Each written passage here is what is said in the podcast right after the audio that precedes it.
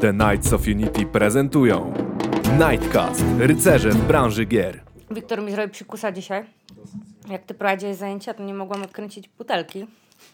I, bo się przykręciło razem z tym na dole, nie? I odciął to nożem. I potem siedzę na kolu z klientem. tak powaga, 16 osób, nie? Jakieś badania dotyczące czegoś tam. I nagle tak kapsle jak hu, do góry. Co? Podskoczyłam 20 centymetrów. Tam na kamerkach oczywiście, nie? Dzień dobry, witamy Was w dziesiątym odcinku Nightcastu. Jak dobrze liczę, a zwykle staram się dobrze liczyć te odcinki. Em, dzisiaj ponownie gościmy Lady Margaret. E, I żeby nie było, nie będziemy rozmawiali dzisiaj o mm, klasyce PM-owania. nie będziemy rozmawiali ponownie na ten sam temat. Dzisiaj sobie trochę porozmawiamy odnośnie, no właśnie czego. No, czego zwalasz to na mnie? Ja nie prowadzę tego podcastu. Aha, no dobra. Okej, to skoro tak, to y, ja się postaram Wam przybliżyć temat.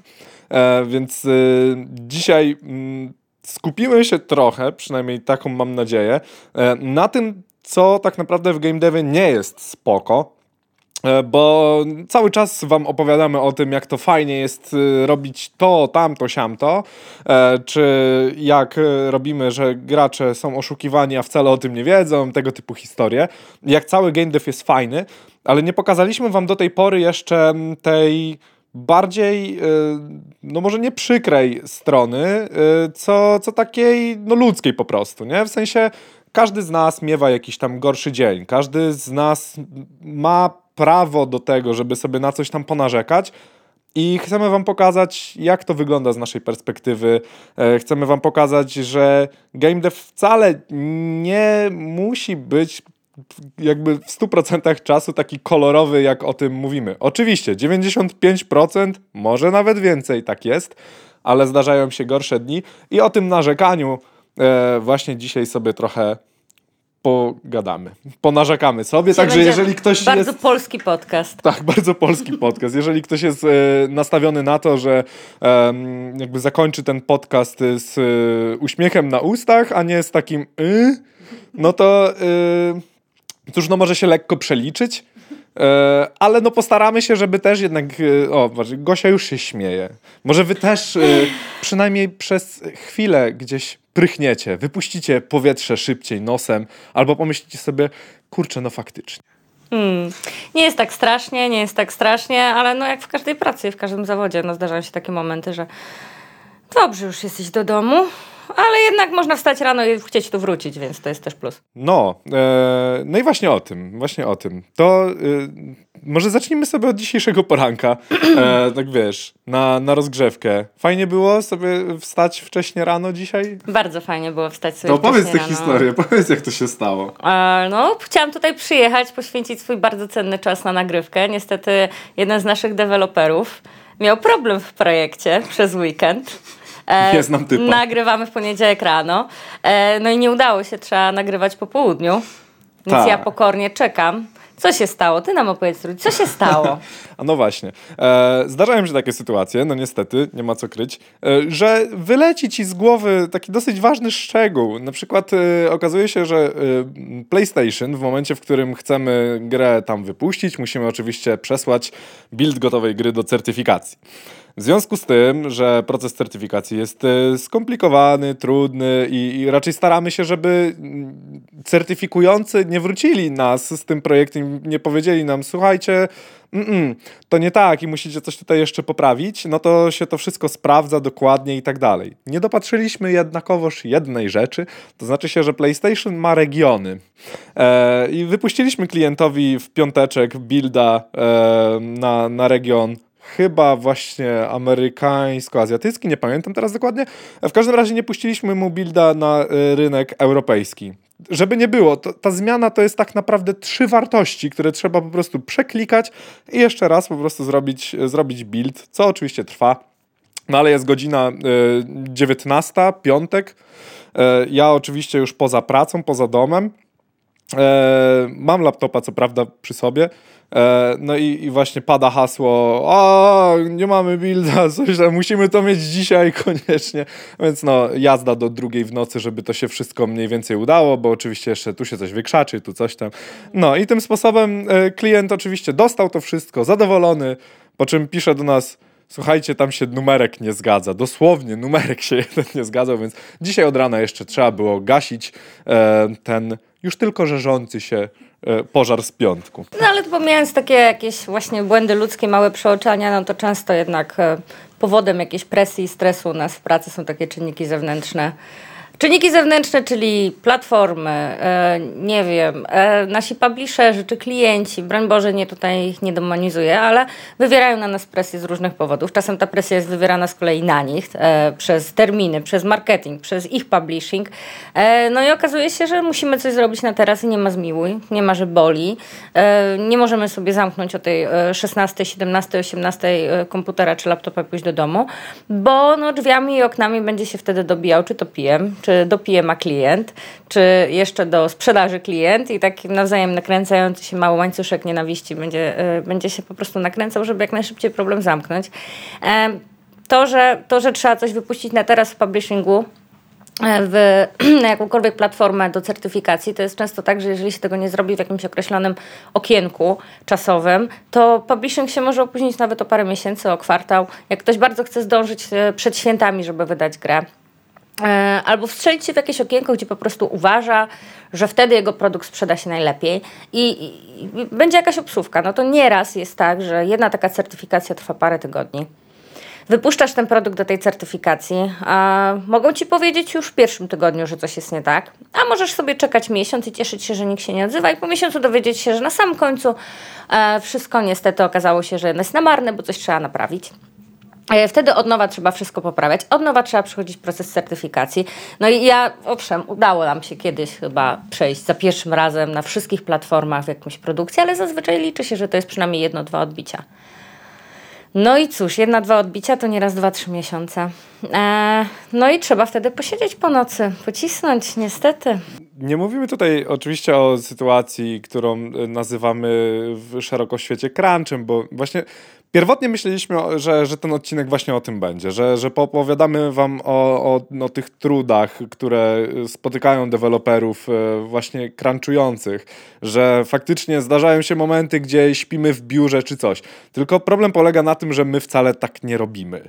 E, I, i no jakby umówmy się, że rozmawianie o crunchu, kiedy się w ogóle tego nie przeżywa, albo, no nie wiem, no dostaje się taki, taką namiastkę tylko tego, tego największego zła e, i, i no po prostu da się to jakoś tam przeżyć. No mówmy się, że jeden, jeden taki dzień, dwa takie dni to jeszcze nie jest crunch, to nie jest dwa tygodnie siedzenia w biurze.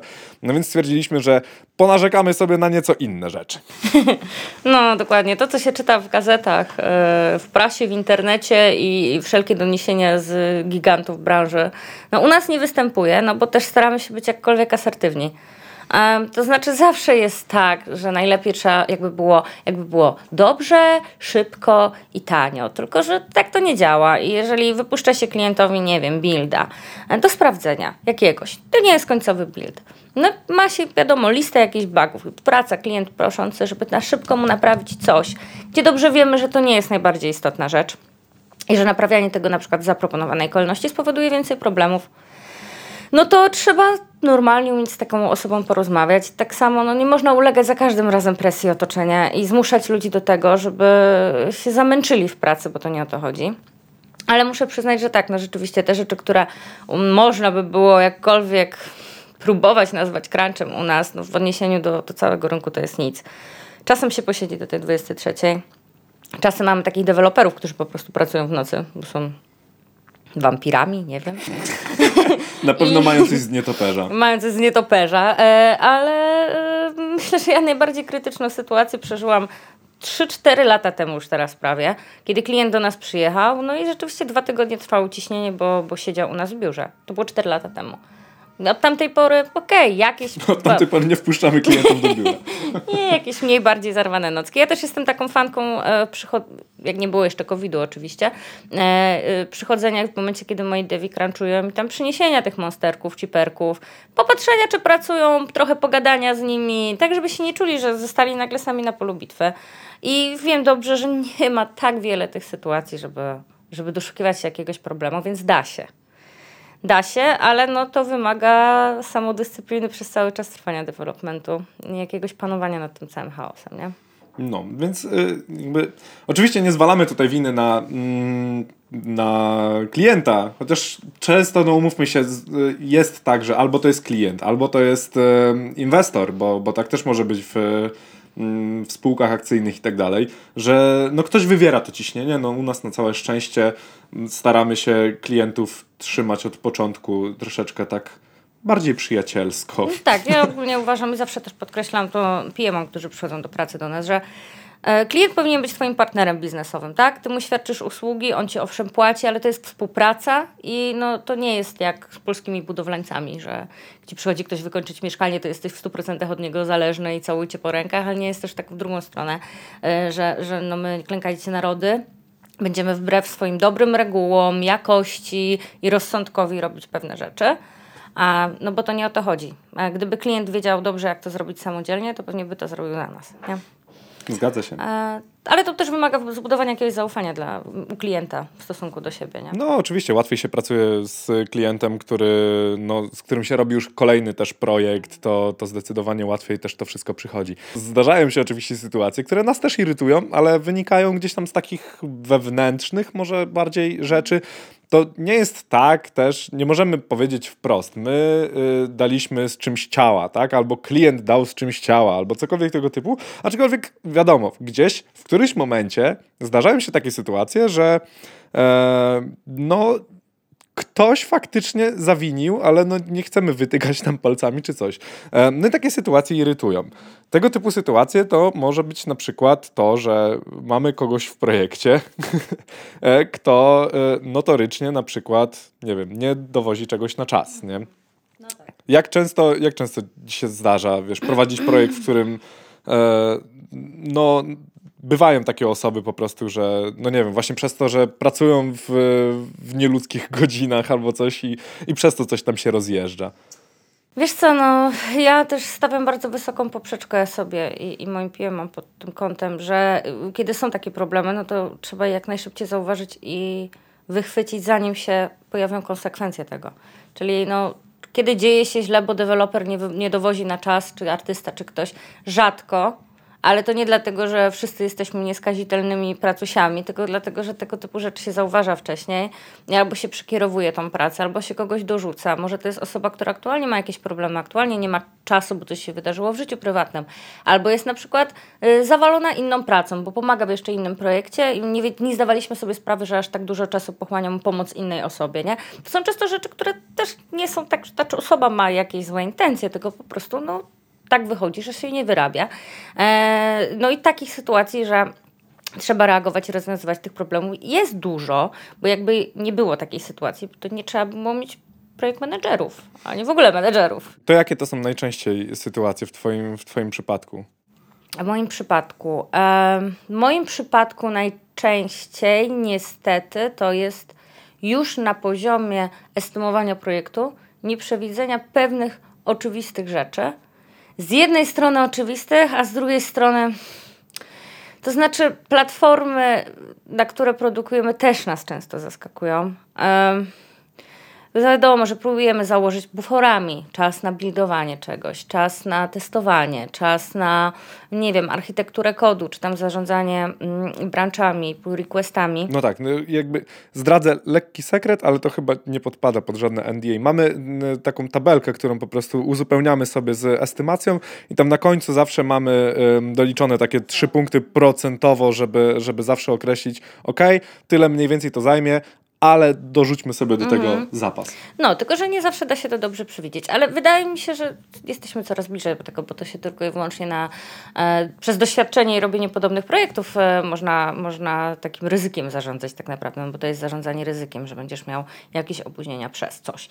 Ale W momencie, kiedy bierzemy się za grę i to jest często gęsto produkt, który już jest na przykład zaczęty przez kogoś.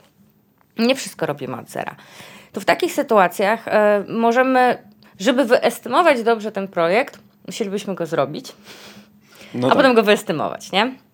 Nie wiemy, że tam coś się zaszyło. Możemy zrobić code review, ale choroba wie, no może ktoś użył jakiegoś pluginu, który nam w połowie developmentu zrobi psikusa. Albo y, jedna z platform się obudzi, że trzeba nowe SDK i trzeba w związku z tym update'ować całe Unity, w związku z czym powywalają się wszystkie postprocesy, tak? E, albo na, wtedy musisz na przykład od tamtej pory utrzymywać na dwóch różnych platformach, na Switchu czy Xboxie, dwa różne Unity, więc masz jeszcze więcej roboty z tymi wszystkimi, e, z tym zarządzaniem. E, no i są to rzeczy, których no, z jednej strony można próbować przewidzieć, z drugiej strony ciężko przewidzieć, bo gdyby też brać pod uwagę wszystkie możliwe ryzyka, jakie są i sobie je wypisać i założyć, że się wszystko stanie, y, no to y, projekty, które estymujemy, by były estymowane na cztery razy więcej czasu niż realnie zajmują, jak to jest zarządzanie jakością? Nie może być za dużo, nie może być za mało, powinno być w sam raz. Nasza sprzedaż by nigdy tego nie sprzedała i żaden klient by się nie zgodził z nami na współpracę, tak? Y, Bo byśmy panikowali. Więc gdzieś ten złoty środek staramy się przewidywać. Nie zawsze się udaje, zawsze jakoś nam się udaje finalnie e, wylądować na tych czterech łapkach, nie jak kot, ale, no, ale są momenty, kiedy jest chwilowa panika i chwilowo trzeba się zmobilizować i jakoś to ogarnąć. O, no tak, no właśnie y, ja pracowałem ostatnio nad, nad takim projektem, gdzie no, wyliczyliśmy właśnie, on był złożony z dwóch etapów, to znaczy się najpierw musieliśmy y, przygotować się do takiej pełnej estymacji, bo to był port dla, dla klienta, E, no ale żeby się przygotować, to tak naprawdę już trzeba zacząć robić ten port de facto. E, No i nagle się okazało, że, że akurat jak policzyliśmy ten czas pierwotnie, no okej, w porządku, tam klient zatwierdził, wszystko jest super i nagle przychodzi kwestia wybudowania tej gry na tę konkretną platformę, sprawdzenia, czy mniej więcej to w ogóle działa i nagle się okazuje, że wszystko wali błędami z lewa i z prawa. Mm, Co gorsza, takimi, które nie wynikają bezpośrednio z jakiejś konkretnej linii kodu, która gdzieś tam jest. Nagle się okazało, że akurat przy tej konkretnej wersji Unity, przy tym konkretnym SDK na tej konsoli, wysypuje się coś związanego gdzieś tam powiedzmy z renderingiem grafiki i to na poziomie silnika, nie? czyli coś takiego, no co w ogóle nie mamy wpływu. No a powoduje, że no, klient y, patrzy nieprzychylnym wzrokiem, PM patrzy nieprzychylnym wzrokiem, dev patrzy przestraszonym wzrokiem, woła kolegów, którzy również patrzą przestraszonym wzrokiem, no i jest troszkę kiszka, no umówmy się. E, pozdrawiam cię Marcel. Ale dobrze wiem, o którym projekcie mówisz i tutaj warto nadmienić, że sportowaliśmy z powodzeniem tą grę na innej platformie, a tylko jedna zaskoczyła nas takim psikusem. No, dokładnie, także to, to był tym większy szok, nie? że mieliśmy już jedną platformę zasadniczo gotową, wiedzieliśmy z czym to się je i nagle przychodzi, e, przychodzi pan Xbox, e, ten nowszy i mówi dzień dobry, to się nie uda. No, Pozdrawiamy bywają. Microsoft. Cześć, cześć, tam, jakby przypominamy, macie tikety do sprawdzenia. Tak, tak. No. E, no. No tak, no, no czasem to są takie rzeczy całkowicie niezależne od nas. My też mówiąc klienci, mówimy klienci zewnętrzni, ale mamy też klientów wewnętrznych, nie? No, I, oczywiście. I ci nasi klienci wewnętrzni, no to a to zarząd, a to jakiś gamefader, a to jakiś pomysłodawca gry, który robimy, którą robimy. I, i, I tutaj też zdarzają się psikusy. Zdarzają się psikusy, no bo znowu, żeby dobrze wyestymować i zadesignować grę, trzeba by było najpierw wyprodukować, stestować i w takich pięciu iteracjach można by było na czysto rozpisać ten design i estymację. Mm, No, naturą tego, że się coś tworzy kreatywnego i jakimś takim mądrym podejściem agile'owym, bo oczywiście można próbować robić cokolwiek w waterfallu, życzę powodzenia. E, natomiast no, ideą tego agile'a jest, jest testowanie i robienie tych iteracji czy inkrementacji i sprawdzanie kolejnych rozwiązań, co wiąże się ze zmieniającym designem. Możemy postarać się oczywiście z pomocą prototypów, e, prototypów na przykład fizycznych, jakichś karciankowych, czy prototypów testowania, testowa- przez testowanie jakichś konkretnych mechanik, które nas najbardziej interesują, bo są innowacyjne.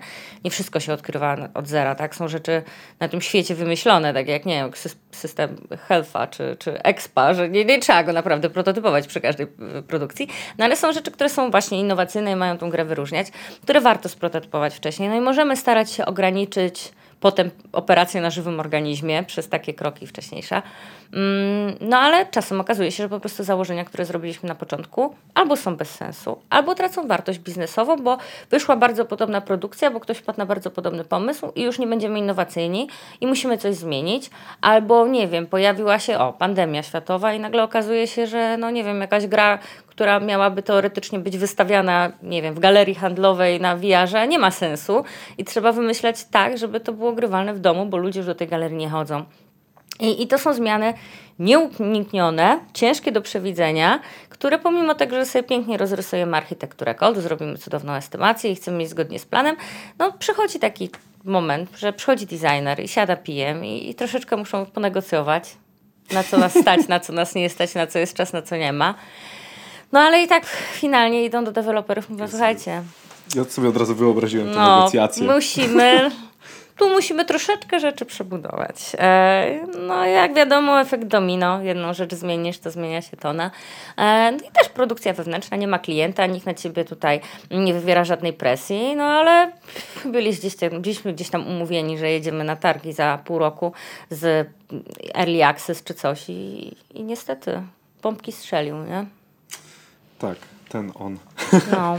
E, No a tak właśnie z tymi, e, z tymi negocjacjami, ja też tak czasami, no wiadomo, no bo też przychodzi, przychodzi do ciebie w którymś momencie designer na przykład i nagle mówi e, słuchaj kolega deweloper, koleżanka deweloperka, jest taki temat, zmieniamy to i tamto, nie? I tak jest taki nagle, zapala mi się zawsze taka czerwona lampka, mówię, dobra, okej, e, w porządku, ktoś to zatwierdził?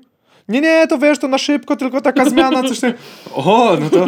Hmm, no dobra, ale ktoś, nie wiem, ktoś płaci za to, ktoś y, może, wiesz, jakby. Nie, tam mówię ci, to jest. Szyb... Ogarniesz to w dwie godziny. Mordo, sorry bardzo. Ma być w kwicie. No i właśnie też się zdarzają takie sytuacje, że ktoś próbuje ci robić strzały z boku, mimo tego, że masz przyjętą jakąś taktykę działania i tak dalej. I okej, do momentu, w którym faktycznie to jest coś, co jesteś w stanie zrobić tak o, że projekt y, masz akurat ro, w, takim, Ale w takim stadium, że no, Taka zmiana może ci rozbalansować całą grę. no właśnie o to chodzi, nie? Że jakby z jednej strony okej, w porządku, niby masz na to czas na przykład, bo akurat masz luźniej i spoko, nie ma problemu, żeby to zrobić, ale z drugiej strony no właśnie, czy zawsze powinniśmy ulegać jakby y, temu, że no fajnie, ktoś jest głównym designerem gry i przychodzi z pomysłem, czy może warto też mu ukrócić troszeczkę tam nóżki, że tak powiem i e, sorry, sorry, ale obgadajmy to wspólnie gdzieś No. jakimś większym zespołem, nie? Wydaje mi się, że nie mamy ogromnego problemu z tym, e, u nas w firmie na przykład, ale no, na etapie prototypowania to jest to wręcz wskazane, że przychodził designer i mieszał ci cały czas w pracy, nie? No, to, to tak, ale Eee, bez przesady. No. Natomiast no, wydaje mi się, że mamy na tyle racjonalnych ludzi, że oni też mieli doświadczenie w pracy z klientami. To jest super, bo zdają sobie sprawę, że każda robocza godzina e, to jest, są pieniądze. I jak tak sobie pracujesz pod takim kloszem, tam ci ktoś ci niby płaci jakiś etat, gdzieś tam są pieniądze, nie ma pieniędzy, to jest inaczej. Jak pracujesz z klientem, on cię liczy za każdą sekundę twojej roboty. Mm, I wtedy jakoś uczysz się takiego szacunku do tego i, i zdajesz sobie sprawę, jak bardzo jedna zmiana u ciebie spowoduje właśnie lawinę zmian u deweloperów. E, przestanie się kleić ze sobą design, rozdział z rozdziałem. QA nagle zgupieje, bo nie ma tego nigdzie rozpisanego, a, a artystom nikt nie powiedział bo zapomniał i oni już wyprodukowali pięć modeli, które nie pasują do tego nowego, co ty sobie wymyśliłeś, nie? O, więc taka samoświadomość i dlatego też warto rozmawiać o takich rzeczach jak problemy jest bardzo ważna, bo pozwala uniknąć. Wystarczy się zastanowić i po prostu omówić coś na spotkaniu. E, zamiast. O, i tu przy, przechodzimy do drażliwego dla mnie tematu, czyli temat spotkań. Właśnie ja wiem, że twoja praca to jest, e, głównie to są spotkania zasadniczo, głównie rozmowy i tak dalej i chwała ci za to, bo byśmy tu wszyscy pewnie płonęli bardziej niż ja w piątek. E, I nie imprezowo, bo już przypominam, że w piątek siedziałem w robocie do późna de facto. E, więc Trzeba było to- zrobić dobrze. razem. Proszę mi nie wypominać. Ja już sam sobie wypominałem. Em, no, w każdym razie, no właśnie, spotkania. Bo ja na przykład mam tak, że wychodzę z założenia, że jeżeli coś może być mailem, to niech to będzie mailem. I, no i teraz jest pytanie, robić na siłę spotkania, które wydaje się mogą nie mieć sensu, bo na przykład, y, nie wiem, pracujemy sobie w małym zespole, sześć osób, załóżmy, E, I mniej więcej ta robota jest tak zaplanowana, że na tydzień każdy wie, co robić, i przychodzi PM i mówi: Ej, mordy, robimy spotkanie co drugi dzień.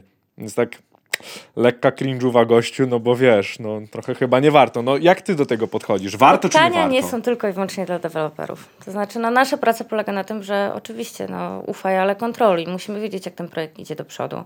I często właśnie takie informacje czy pytania gdzieś tam z boku się pojawiają. A, no i teraz wyobraź sobie, że my mamy czasem pięć, czasem osiem projektów na głowie. I za każdym razem, kiedy próbujesz coś załatwić, robisz to pisemnie. E, wysyłasz maila, czekasz aż ktoś ci odpowie, albo wysyłasz na Discordzie wiadomość.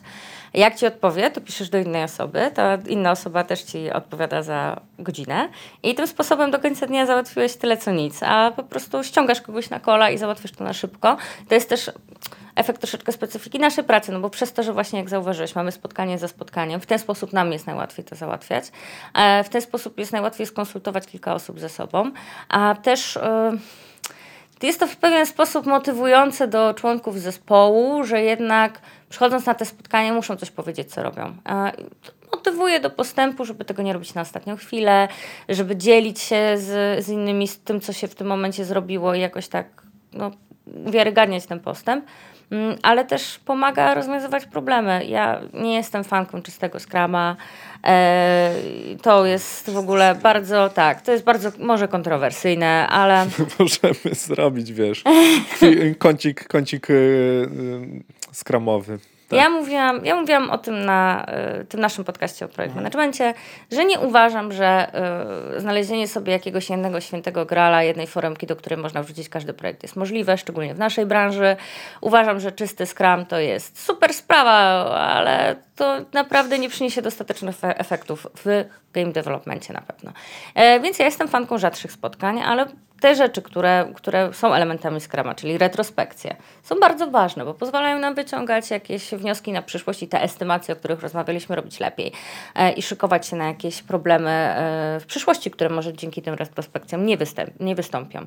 Mm, jakieś planowania e, sprintów. Ja na przykład bardzo lubię rozdzielać spotkania, żeby deweloperzy mieli swoje spotkania, artyści swoje spotkania, a lidzi deweloperów, artystów swoje spotkania, gdzie uzgadniają jakieś tam ważne rzeczy, żeby właśnie nie było czegoś takiego, że siedzi artysta i słucha, jak ty tam gadasz o jakimś kodzie.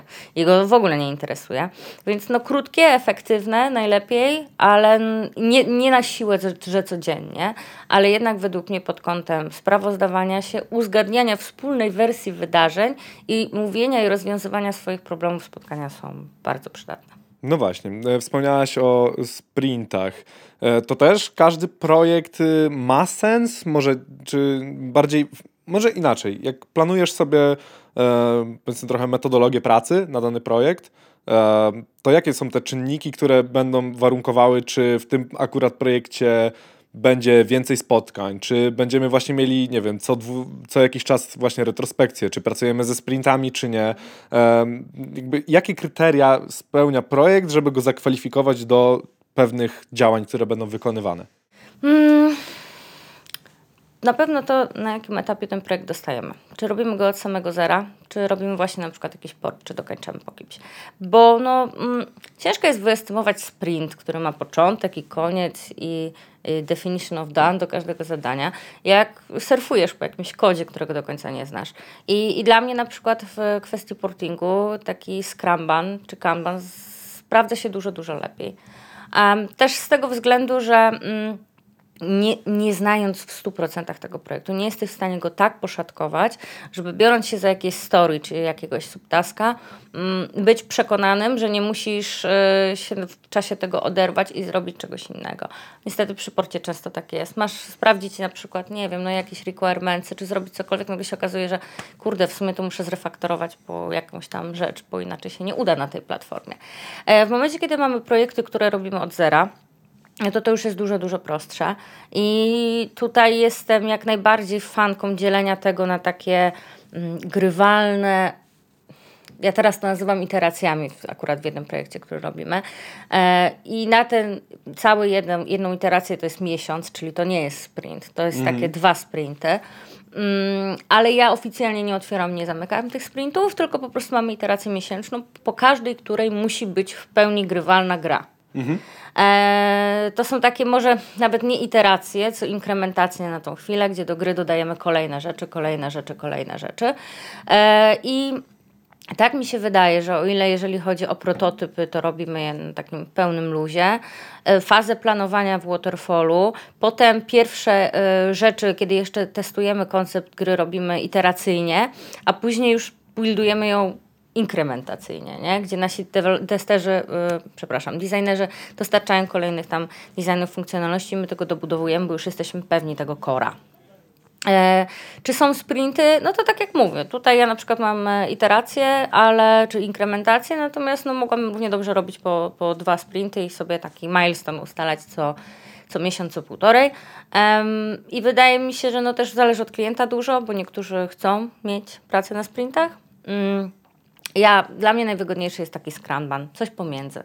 E, no ale w projektach, które musisz serwisować, no to już w ogóle nie ma mowy o jakimś e, na dobrą mowę e, skramie, jak ci tylko wpadają tikety.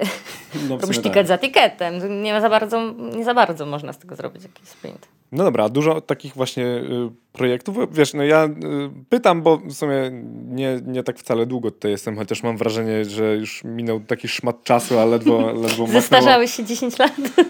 To, ale nie w ten zły sposób, wiesz, jakby ja się po prostu tak, tak czuję bardzo dobrze. E, tak, o, przerwa e, od e, narzekania, e, Rudy się czuje bardzo dobrze tutaj, jakby co? e, no i jakby nie zauważam tego, że minęło dopiero pół roku, mam wrażenie, że minęło dużo więcej czasu, ale to właśnie w tym pozytywnym znaczeniu. E, o czym to ja? Ile, chciałeś mi zapytać, A, ile tak, ile takich projektów, projektów, ale nie wiem jakich. Już, już, już, tak, właśnie, tak, dokładnie, takich serwisowych typowo rzeczy, no bo strzelam, że to raczej klient nie przychodzi do nas, chyba, że przychodzi, zewnętrzny klient. E, słuchajcie, Przychodzi. będziecie nam serwo, serwisować projekt teraz i będziecie nam zapewniać po prostu obsługę. Przychodzi. Ojejku. Tak.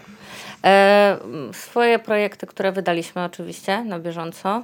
E, w tym momencie na live jest trzy, które musimy serwisować. E, teraz jest w estymacji jeden bardzo fajny, bardzo fajny projekt do serwisu też właśnie, o którym nie mogę mówić, bo NDA jeszcze nie jest podpisany. Mm, no i klientowi projekty, które ich wydaliśmy, gry, oni też najczęściej się nami chcą poszukować w serwisie.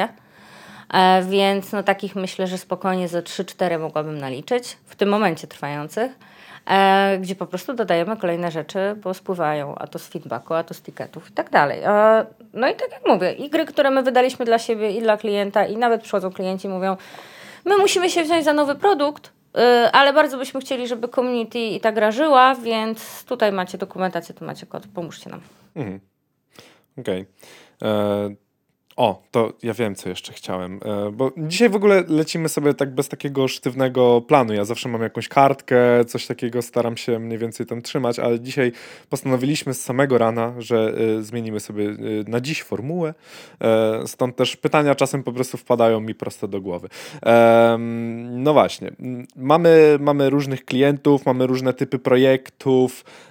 No i teraz jest jeszcze takie pytanie, czy mm, jakby utrzymywanie tego typu rzeczy to są zwykle, nie wiem, jakieś gry. Znaczy, wiem, że w grach mobilnych, bo, bo w tym siedziałem też całkiem długo, e, no mamy update'y zasadniczo zwykle do, do tej gry i to jest ok. Natomiast em, często się zdarzają właśnie takie utrzymania dla projektów na przykład konsolowych, że trzeba często wypuszczać jakieś patche albo coś. Już rozmawialiśmy o tym, jak się wypuszcza rzeczy na konsoli. No, No, nie ma no- mowy o wypuszczaniu czegoś często, bo to trwa wieki. No czy z patchami właśnie ponoć tak nie jest. Ponoć można je nawet, wiesz, jakby one też przechodzą taką gładszą trochę certyfikację Nie, no niż duży szybciej to projekt. trwa, ale no to jest ta sama zasada. Puszczasz, puszczasz coś, oni ci to odbiją, puścisz, odbiją. A jeszcze na przykład na, na niektórych platformach, nie wiem co mogę mówić zgodnie z NDA-kami, bo niestety są podpisane NDA-ki i nie można rozmawiać o tym dokładnie, jak wygląda development na platformę. Oj, no. Ale na niektórych platformach są ograniczenia rozmiarów patchy, a patche są narastające.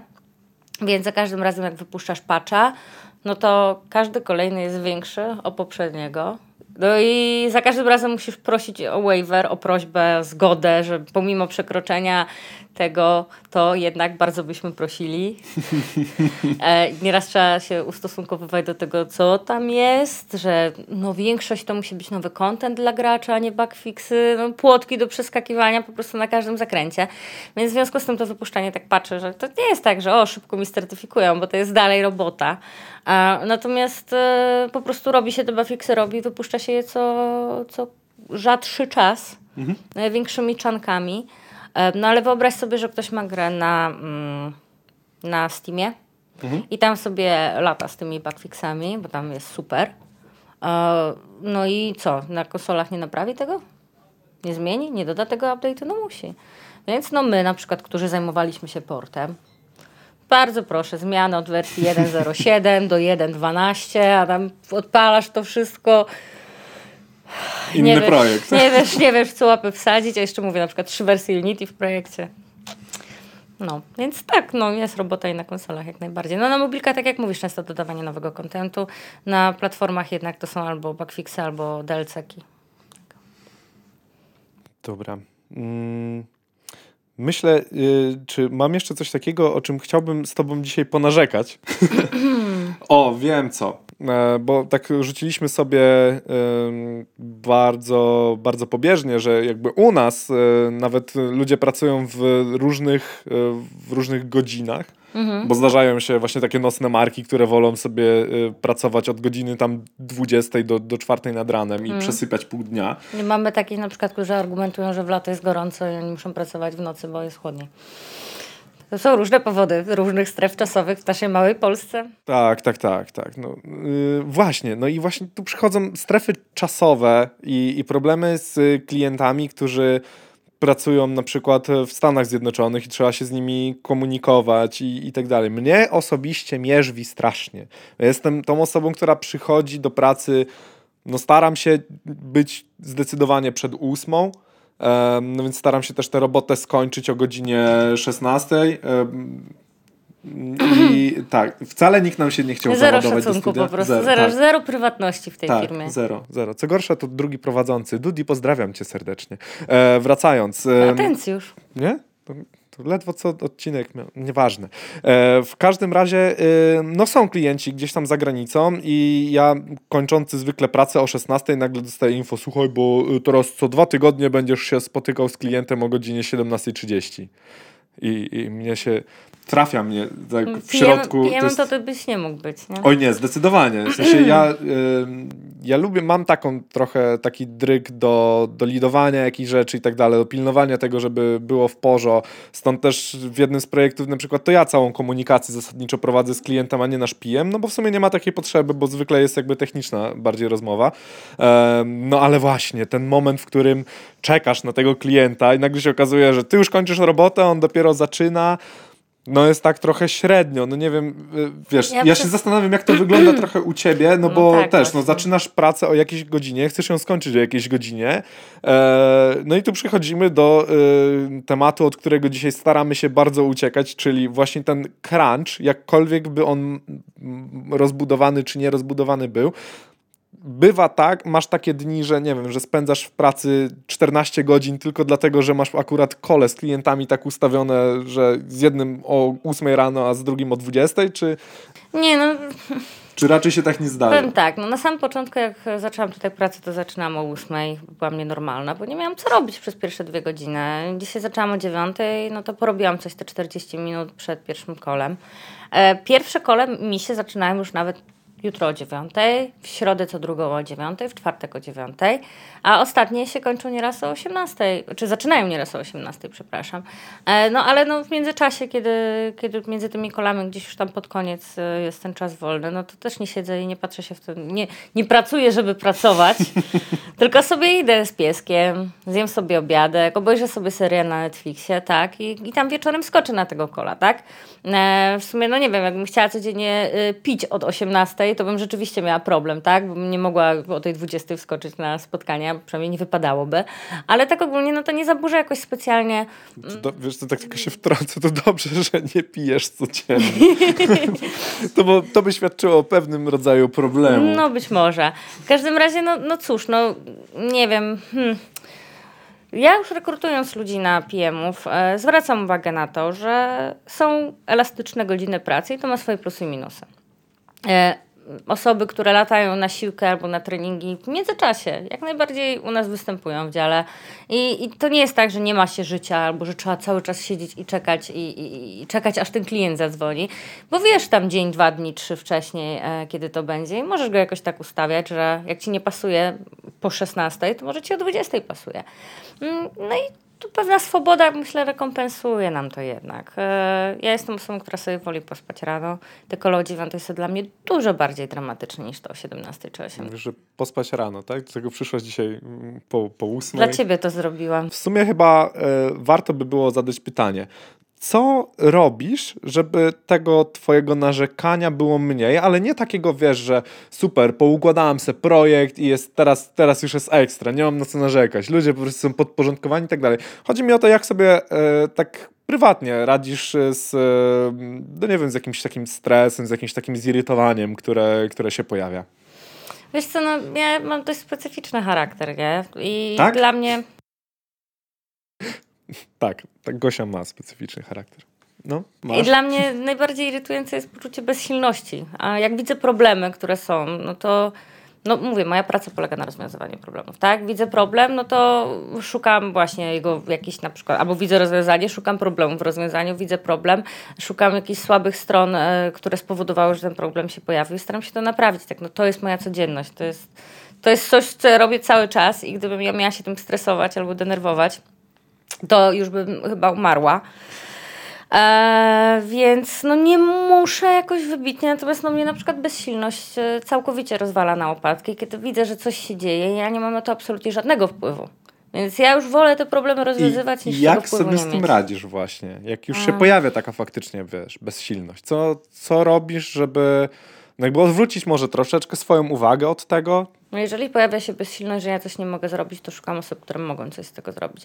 Czy to jest wsparcie, nie wiem, Adama z zarządu, który bezpośrednio jest teraz nad PM-ami i się nami opiekuje, czy to jest wsparcie jakiegoś lead dewelopera, czy jakiegoś innego leada z firmy, no to szukam po prostu osoby, która ma te kompetencje i to moc, nie? Kiedy mi już załamuje ręce, no to co, no, no przecież nie siądę i nie będę płakać, tak? No nie wiem, ja bym się zawinął w kocyk, odpaliłbym sobie serial na przykład i herbatkę sobie przy tym Nie. popijał i to, to by było moje Nie, rozwiązanie nie. problemu. Przynajmniej, może nie rozwiązanie problemu, o ile zagłuszenie problemu, przynajmniej chwilowe. No tak, no to prokrastynacja może nie jest najlepszym rozwiązaniem, kiedy pojawiają się dramaty. E, no ale no tak jak mówię, ja mam, ja mam konkretny rodzaj pracy i muszę mieć do tego ich silny charakter i, i tak dalej. Natomiast no wiem też, jak to wpływa na innych członków zespołu, kiedy jest jakaś podbramkowa sytuacja. E, Wiem, że się właśnie denerwują, potrafią nie spać po nocy, ponieważ no, doszukują się swojej winy w tym, że coś zostało źle zrobione, albo irytują się na kogoś, bo doszukują się czyjejś winy. Ja zawsze mówię, że okej, dobra, spoko, dojdziemy, co tutaj się wydarzyło, ale nie po to, żeby kogoś wieszać, robić sąd ostateczny, tylko po to, żeby na drugi raz wiedzieć, czego nie robić, żeby to zrobić dobrze. Ale pierwsze, co jak się pali, to najważniejsze jest, żeby ugasić ten pożar, tak? Nie będziemy tam, niech się styrta, niech styrta płonie, a my będziemy szukać, e, e, kto, tam, kto tam styrtę podpalił. No bez sensu, więc w takich sytuacjach trzeba zachować zimną krew i PM absolutnie musi zachować zimną krew, bo jeżeli my pokazujemy po sobie, że jesteśmy zestresowani, przestraszeni, nie wiemy co dalej, no to jak nasz zespół może nam ufać, nie? Mm, Natomiast no, ci ludzie, którzy, którzy sobie radzą gorzej lub lepiej z takimi sytuacjami, no, potrzebują po pierwsze naszego wsparcia, ale też nie ojojania, ponieważ no, rozmiękczanie się i y, lebiodzenie w momencie, kiedy dzieje się coś złego, to też raczej nas nie przybliża do rozwiązania. Jak to? Plus, no, też mam wrażenie, że tutaj mm, wiadomo, każdy popełnia błędy, natomiast no, jesteśmy takim zespołem zgranym.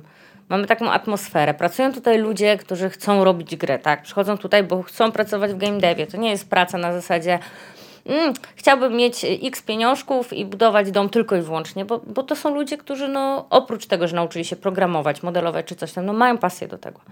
I w momencie, kiedy dzieje się coś krytycznego, e, no to wszyscy tak trochę, wszyscy za jednego. Ktoś tam coś popsuł, coś nie wyszło, ktoś coś przeoczył, coś się wydycło, coś nie działa. Ale wszyscy jakoś się starają sobie nawzajem pomóc, bo się czują też związani z tymi produktami, które robią, tak? To są albo ich gra, Albo nie wiem, no, pracujemy nieraz przy super produkcjach, tak? Na przykład, nie wiem, Disco Elysium. Nie wyobrażam sobie, żeby tam się cokolwiek stało, żeby cały zespół nie ruszył, jak jeden mąż na pomoc i, i żeby jeszcze miał jakiś problem z tym, jakieś pretensje, jakieś e, niechęć, żeby ktokolwiek wolał zamknąć komputer i pójść sobie, nie wiem, ze znajomymi pograć w nogę, niż naprawić tę grę, która jest przecież również ich dzieckiem, nie? I takie nawzajem wspieranko i to, że no wszyscy jesteśmy tutaj po coś, nie tylko po to, żeby odbędzić od 8 do 16. Myślę, że bardzo pomaga w takich sytuacjach stresowych, um, w takich sytuacjach krytycznych, gdzie po prostu wszyscy gramy, to Piotr lubi tak mówić, do jednej bramki, a, a nie szukamy winnych, przerzucamy się i tylko, a może ja nie będę musiał tego naprawiać, może kolega naprawi. Nie, nie, nie. nie. No dobra, to, em, to zapytam jeszcze. O, uwa- uwaga, teraz będzie ciężkie pytanie. No Ale widzę po tobie. Myślę, że, y, bo, bo to pytanie już mi się kłębi w głowie, wiesz, od dwóch minut mniej więcej. O kurczę, tyle czasu, jedna Tak, myśl? ono jest, ono jest... Patrzcie, no. Charakterna się trafiła. Dobra, taka największa drama, która się, wiesz, wydarzyła. Znaczy może, wiesz, bez nazwisk, bez nazw projektów i tak dalej, bo jakby nie o to chodzi, ale coś takiego, co ci zapadło w pamięć y, i, i no napsuło ci to trochę krwi. Bo pokażmy ludziom, że też coś może krwi napsuć. Wiesz co, no takich dram trochę było. Natomiast ja dalej uważam, że najbardziej taką sytuacją do uniknięcia, absurdalną, w ogóle z ogromnymi konsekwencjami, była właśnie jeden z pierwszych projektów, które robiłam w firmie. I jak Boga kocham, y, zrobiłam go, y, i wtedy, wie, no, moje początki. Boże, no tutaj sprincik po sprinciku, tu tak wszystko pięknie. Do ostatniego dnia, jak trzeba było oddawać projekt, siedziałam, mie- mieliśmy do piątku oddać. W nocy z piątku na sobotę, tam pierwsza nad ranem, jeszcze siedziałam z deweloperem i tam zdalnie próbowałam coś komitować e, i rozkminiać, czego się na Apple'a coś nie chce wrzucić, albo certyfikaty mamy złe. E, no i no na ostatnią chwilę. I to była, ale, ale w terminie. I to była gra, która miała promować coś związanego ze świętami. Musiała być wydana przed świętami, logiczne, żeby tam leciały z tego jakieś e, pieniądze dla partnerów tej gry. E, no i e, następnego dnia, w sobotę, dostałam chyba wiadomość właśnie od kogoś z zarządu, żebym się skontaktowała z klientem, że coś się dzieje strasznego. Ja tam piszę do tego klienta, a on, że no e, tutaj e, jest taka sytuacja, że ja pokazałam tą grę swojemu klientowi, czyli temu wielkiemu partnerowi handlowemu i on nie wie o co chodzi w tej grze. To jest bez sensu. To trzeba... ja, będę w niedzielę, ja będę w niedzielę w Polsce. E, Ja w biurze u was, ja mówię, ale mnie nie będzie, nie? ani moich deweloperów. Jest weekend. A, no i spotkaliśmy się w poniedziałek. Okazało się, że produkowaliśmy, zrobiliśmy wszystko, co trzeba było. Robiliśmy według designu, współpracowaliśmy z jego backendowcami.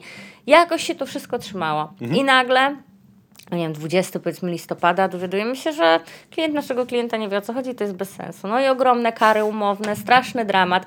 No i właśnie te dwa tygodnie siedzenia u nas w biurze. Z całej gry została tylko mapa nieruszona. Wow. Wszystkie systemy nagród, wszystkie jakieś y, gameplaye, główne modele w grze, wszystko przez te dwa tygodnie zostało wywalone do góry nogami. Ledwo żywie z tego wyszliśmy. Totalnie nie nasza wina. No ale już taka atmosfera, taki stres, takie parcie, że no wszyscy, że tak powiem, trochę ucierpieliśmy. Ja jeszcze wtedy pisałam magisterkę.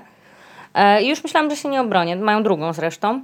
E, bo już jak były święta Bożego Narodzenia, to prawie całą magisterkę ja pisałam święta. Nie miałam świąt, tylko siedziałam i ją pisałam, bo wtedy się już skończyła imba. Więc no to była jakaś e, niesamowicie chora sytuacja. To dopytam o szczegóły, może takie, wiesz, kulisy tego, tego projektu. Ile on w ogóle trwał do momentu, jakby, wiesz, wysłania do, Wiesz do co, ja klienta? przyszłam do pracy niewiele, bo ja przyszłam do pracy w październiku, 15 chyba, czy coś Mhm. takiego. E, no i ta No, gra... miesiąc. No, chyba mi się wydaje, że z półtorej do dwóch miesięcy, bo to był jakiś Okej. naprawdę koniec listopada. Ja też jakoś tak na pół wcześniej pracowałam, ciężko powiedzieć. E, Ale wydaje mi się, że to było takie solidne półtorej miesiąca. No i tak naprawdę po naszej stronie e, dużo bardzo było roboty na, na backendzie, którego nie robiliśmy my.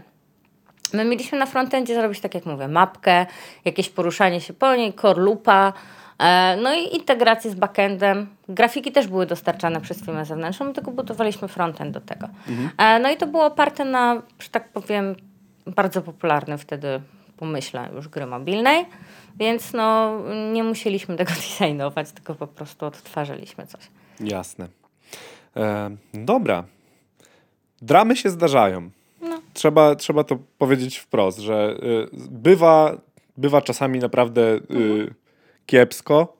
Nastrój, Ciężko. nastrój czasami się y, może troszkę psuje, ale jak sobie posłuchacie dziewięciu poprzednich podcastów, to, to stwierdzicie, że faktycznie to jest jakiś taki promil tego typu sytuacji, może procent, może pięć, o których wspominałem na samym początku dzisiejszego podcastu, gdzie faktycznie dzieje się może nie do końca po naszej myśli, gdzie wychodzimy z roboty trochę, trochę poirytowani, albo co gorsza, zostajemy w niej dłużej niż byśmy chcieli zostać, bo trzeba coś domknąć. Niemniej jednak myślę, że uczciwie było po prostu dzisiaj porozmawiać na temat tych problemów, które się dzieją, um, żebyście potem przychodząc do game devu, szczególnie mówię o, o ludziach, którzy, którzy zaczynają swoją przygodę z, z game devem, e, żebyście mieli świadomość tego, że to wcale nie jest do końca tak super kolorowo za każdym razem. Jeszcze nie wspomniałem o tym, że czasem się nawet nie chce pracować nad konkretnie danym typem projektu, ale to już jest w ogóle zupełnie inna bajka, nie? To też się daje rozwiązywać oczywiście, ale nie zawsze i często sobie trzeba poradzić, że tworzymy swoje projekty w domu i, i, i dopiero wtedy się spełniamy całkowicie.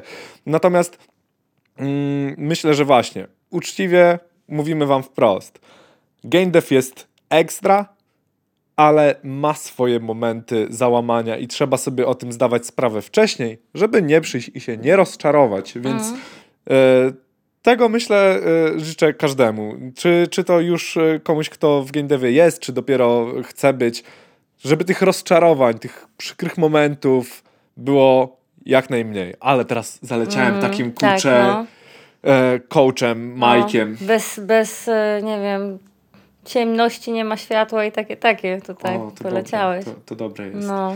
No. Ale musi być jakaś równowaga w przyrodzie i to jest prawda i e, nigdzie nie jest wszystko usłane różami. Tak wydaje mi się, że proporcja dramatu w stosunku do satysfakcji, jaką ma się z gry, tego w jakim zespole się pracuje, tego w jaka jest atmosfera w game devie, tego jakie są stosunki międzyludzkie, między klientami, to jest w ogóle nie do porównania z niektórymi branżami albo z większością branż i nie ma się co oszukiwać, że zawsze będzie kolorowo, bo nie jest.